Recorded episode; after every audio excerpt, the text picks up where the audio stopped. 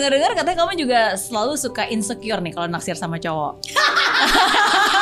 Aku ada di masa di mana aku merasa laguku tidak ada yang hits, laguku tidak ada yang laku, pekerjaanku off airku semakin menurun. Mungkin kalau uh, kita sebagai public figure kayak di layar itu selalu sempurna, selalu oke, selalu apa.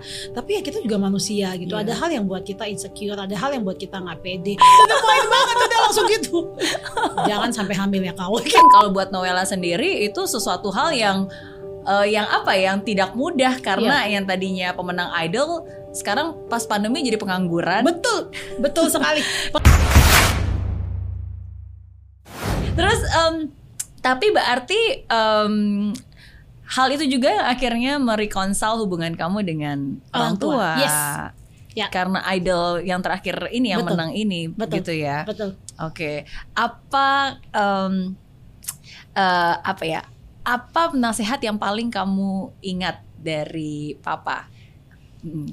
waktu aku keluar dari rumah merantau di umur 16 tahun aku keluar dari rumah aku inget em, papa dan mam papa tuh doa dia sampai nggak bisa ngomong karena dia nangis. Melepas anak perempuan pertamanya ini untuk merantau. Jauh banget dari Papua gitu kan. Eh, terus aku inget banget eh, dia kasih aku dua pesan. Dia mama dan papa kasih aku dua pesan.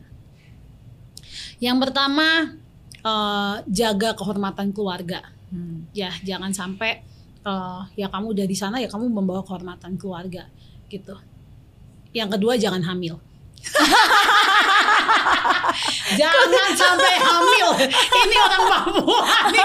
Ya eh, maksudnya eh, tapi itu hal yang aku bersyukur karena aku pegang sampai sekarang. Jadi Iya. aku menjaga diriku dengan aku aku bisa bisa ya proud to myself kalau aku menjaga diriku sampai aku umur segini ya menjaga kehormatan keluarga aku gitu. Iya, jadi ya maksudnya itu kayaknya kayak anak masih lulus SMP udah diomongin kayak gitu kayaknya apa banget sih papa sama Iya. mama? Kenapa ngomongnya begitu gitu. Tapi mereka tahu mungkin mereka nggak punya ada momen begitu lagi gitu Hmm. dan ya itu kayak momen yang berharga banget ya kami sebagai kami kumpul seba- utuh sebagai satu keluarga Hmm. setelah itu setelah aku keluar dari rumah adikku keluar dari rumah sekarang mama papaku tinggal sendiri di rumah karena kami empat bersaudara udah merantau semuanya Oh, papa mama masih di Masih di? Jayapura, masih oh, di masih di Jayapura. Jayapura. Ya, Oke. sampai hari ini masih di Jayapura Oke. gitu. Jadi eh, ya lucu sih waktu itu aku kayak apa sih kayak malu-malu tapi kesel gitu kenapa sih harus dikasih tahu hal itu? Tapi memang mungkin ya itu ya itu yang tertanam juga sampai aku sampai hari ini gitu ya. Iya, menjaga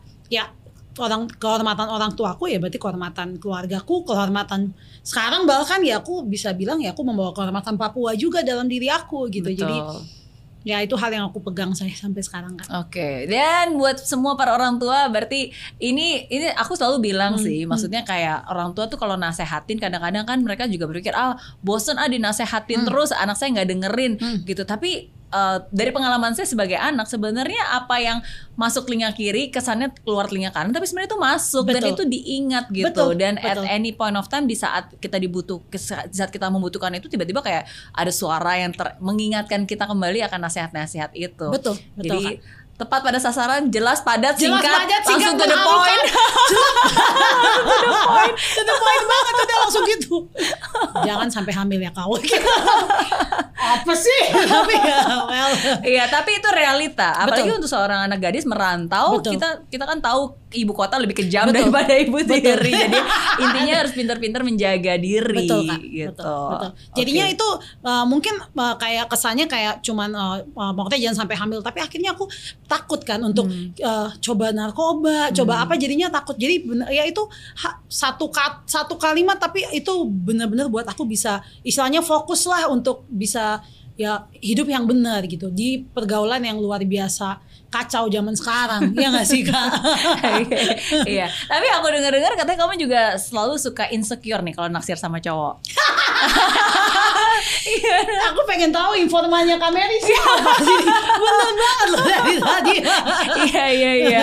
Iya kita punya tim riset yang canggih. iya luar biasa weh. tepuk tangan nih buat tim kreatifnya Mary Bener bener gak sih? iya Oh iya. iya kadang Oke kenapa? Ah, apa ya mungkin karena uh, banyak kegagalan di percintaan ya Hmm. jadi kayak um, kadang aku tuh insecure untuk uh, untuk apa ya untuk bahkan untuk naksir sama orang aja kayak kadang aku ngerasa kayak kayaknya gue kurang layak deh untuk naksir sama dia. Kayaknya dia terlalu pintar dia terlalu ini dia terlalu ini. Padahal uh, aku kakak tahu kan aku sangat dekat sama Kak Regina kan. Iya. jadi kalau aku udah mulai curhat kayaknya dia terlalu bagus deh buat gua gini. Dulu ntar Kak Gina bilang woi lu tuh pemenang Indonesian Idol.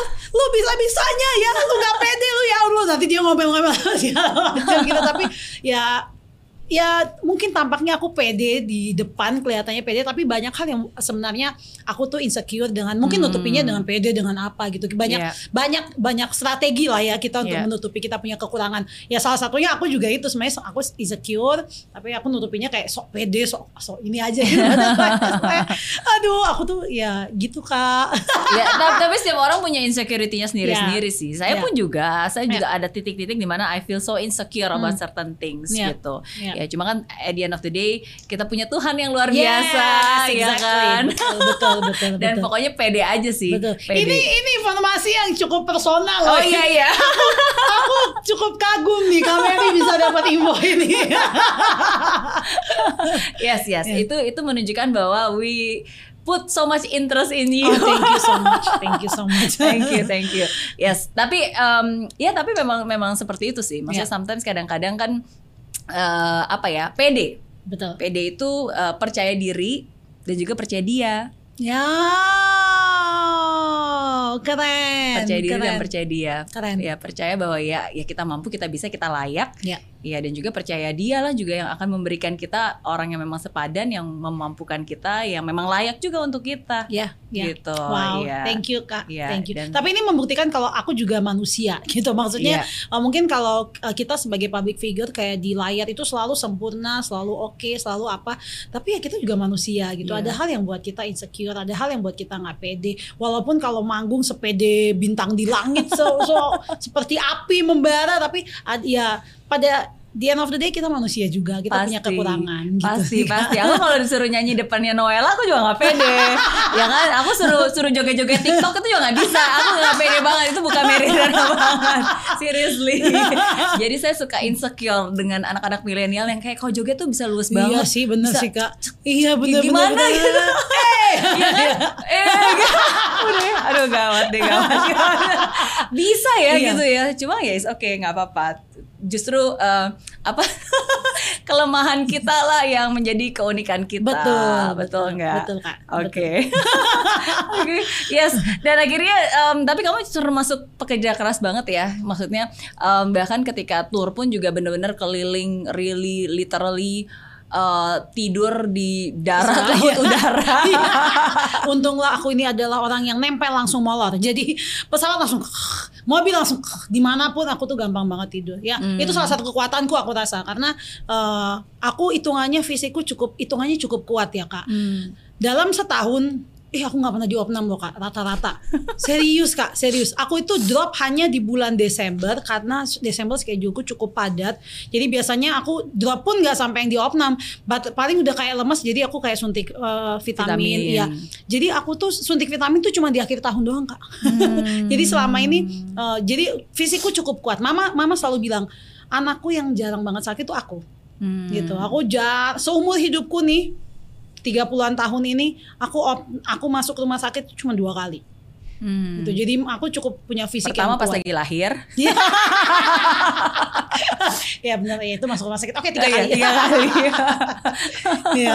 Jadi ya fisikku cukup kuat sih kak. Ya benar yang kakak bilang itu Oke. tadi menjaga juga aku. Iya, tapi pernah nggak sih burn out? Soalnya Hmm. kadang-kadang aku suka ketemu sama orang yang Iya. awalnya memang suka banget dengan passionate banget Iya. tentang tentang bidangnya, Hmm. misalnya nyanyi gitu kan. Tapi ketika dia sudah overdoing it sampai kayak wah capek banget, lama-lama jadi burn out dan akhirnya jadi hilang, jadi mati rasa gitu, Hmm. jadi nggak suka lagi, bahkan jadi benci, bahkan pengen udah ninggalin gitu dari Iya. dunia itu. Hmm. Aku burn out nggak, tapi aku pernah eh, merasa me- secara mentally drop dan merasa nggak percaya diri sebagai penyanyi sampai kayak aku ngerasa kayak aduh ya adalah ya mungkin ya aku cuman ada di level ini aja nggak bisa itu karena waktu itu aku ada di masa di mana ya karir kan pasti naik turun ya kak. Aku ada di masa di mana aku merasa laguku tidak ada yang hits laguku tidak ada yang laku pekerjaanku off airku semakin menurun, Hmm. permintaan aku nyanyi semakin menurun, aku jadi kayak kayaknya terus terus habis itu aku melihat sosial media di mana teman-teman seprofesi aku masih kerja ke mana-mana, terbang ke mana-mana, lagunya hits di mana-mana. Aku aku merasa sangat sangat drop secara mental dan aku merasa kayak kayaknya aku ya cuman penyanyi yang di sini aja deh. Kayaknya aku nggak bisa lebih dari ini. Kayaknya aku uh, aku self pity banget waktu itu dan, Hmm. dan aku selalu compare myself dengan penyanyi yang lainnya gitu. Oke. Terus Gitu. gimana cara kamu keluar dari perasaan seperti itu? Eh, jadi aku tuh bersyukur kak karena aku di Bekasi aku punya komunitas rohani yang uh, bantu aku untuk uh, aku punya pembimbing uh, rohani yang bantu aku untuk uh, untuk bisa apa ya kasih kekuatan dan aku punya komunitas yang ketika aku lagi drop atau apa mereka doain aku. Hmm. Ak- itu itu adalah hal yang sangat help aku di saat aku lagi drop gitu. Jadi aku tidak lari ke hal-hal yang negatif tapi aku bisa lari ke hal yang ya bagi ya siapa lagi kalau kita nggak cari Tuhan waktu itu kan gitu. Jadi waktu itu aku dibantu uh, didoain aku uh, sharing aku kayak konseling dengan pembimbing rohani dan aku dibantu untuk ternyata aku menyadari kalau aku tidak effort-effort banget ternyata di karirku. Jadi aku cuman waktu itu Hmm. aku cuman ya udahlah ada job nyanyi-nyanyi, ada rekaman-rekaman, tapi aku tidak pernah put pikiran aku untuk aku harus ngapain ke depannya. Aku tuh Hmm. orang yang tidak terplanning, Kak. Jadi uh, dalam tiga tahun terakhir aku baru belajar untuk punya goal, untuk punya planning ke depannya gitu. Hmm. Aku dulu sangat Moto hidupku adalah mengalir seperti air.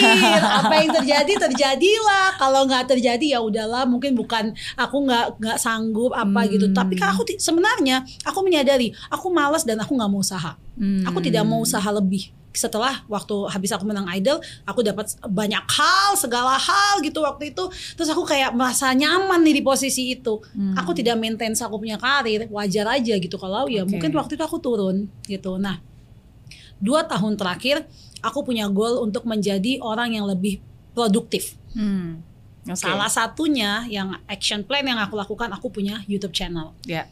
Kemudian aku setelah aku selesai kontrakku dengan labelku yang lama, aku uh, berkarir secara indie. Jadi aku punya lagu. Aku nulis lagu sendiri. Aku tidak pernah nulis lagu sebelumnya kak, kecuali Hmm. lagu rohani. Hmm. Gitu. Jadi akhirnya aku push myself. Kamu harus bisa nulis. Aku dulu selalu gila ya, lu udah cantik, uh, suara bagus, bisa nulis lagu lagi gitu. Aku ada iri hati ini sama salah satu penyanyi Indonesia yang luar biasa. ya iyalah kamu apa? Tapi ya uh, aku nggak lakukan apa-apa gitu. Iya. Aku cuman bisa mengasihani diriku, tapi aku nggak lakukan apa-apa. Akhirnya Hmm. waktu itu aku benar-benar push myself. Coba tulis lagu, coba produktif, coba uh, buat YouTube channel apa segala macam. Aku pikirin, aku mulai. Akhirnya uh, dalam dua tahun terakhir 2019 dan 2020 ini uh, aku merasa kalau aku menjadi pribadi yang berbeda, terutama setelah p- pandemi ini. Ya. Wah, pandemi ini membuat aku jadi pribadi yang sangat sangat sangat berbeda gitu. Aku aku tidak pernah menyangka kalau dalam satu hari aku bisa melakukan 4 sampai 5 kegiatan yang berbeda. Dulu aku tuh sangat pemalas, Kak. Jadi kalau ada kerjaan aja keluar. Kalau nggak ada kerjaan aku di rumah aja ngapa-ngapain. Kayak kayak gitu gitu. Sekarang oh aku bisa syuting ini, bisa syuting ini, bisa ketemu sama ini, bisa meeting, bisa apa segala macam. Aku bisa lakukan banyak hal Iya. dalam satu hari.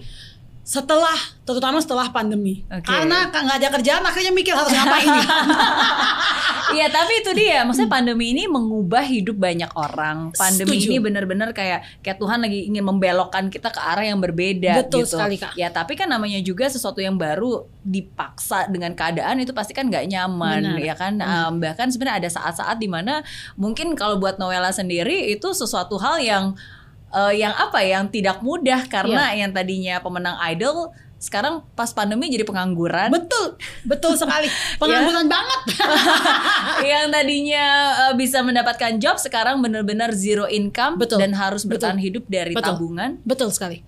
itu itu benar seperti itu Betul sekali, betul Hmm. sekali. Jadi um, aku sebenarnya aku tuh sangat banyak kekurangan kak, termasuk dari di segi finansial. Aku Hmm. itu dulu adalah orang yang tidak punya plan apa-apa dan berantakan banget finansial aku. Hmm. Aku bersyukur aku punya mama orang Batak yang cukup keras. Jadi uh, aku bisa punya rumah itu karena mamaku. Dia bilang harus nabung, harus punya rumah, harus lalalala," gitu. Di tahun pertama aku menang Indonesian Idol, mama lihat-lihat kayaknya kamu nggak bisa pegang keuangan ya. Bagaimana kalau mama yang pegang?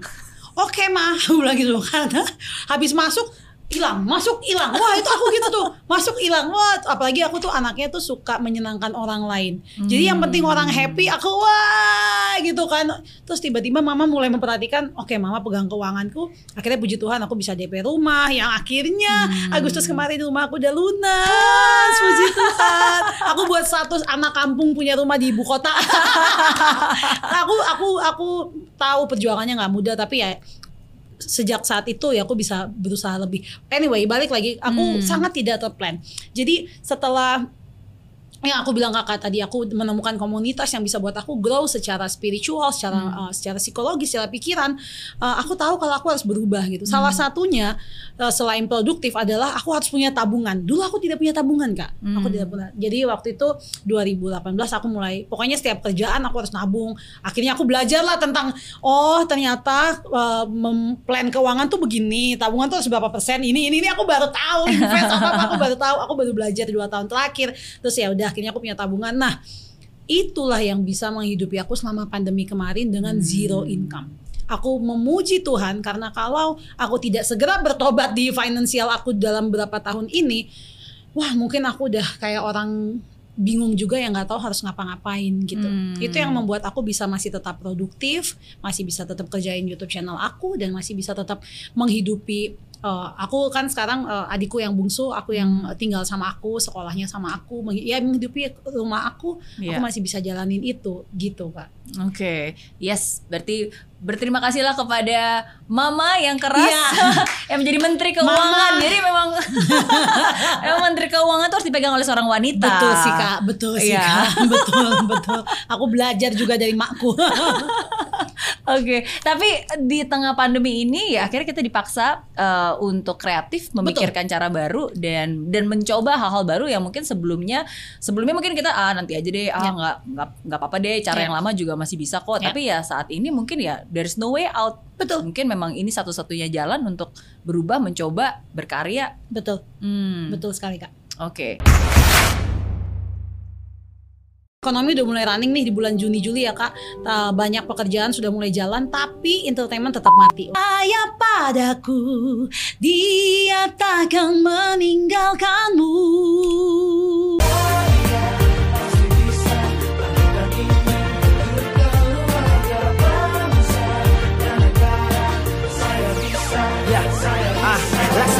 Tanpa hujan, hidup tanpa tujuan, kering dan mati tanpa hijaunya tumbuhan. Ah, demikian kalau mimpi tak kunjung terjadi.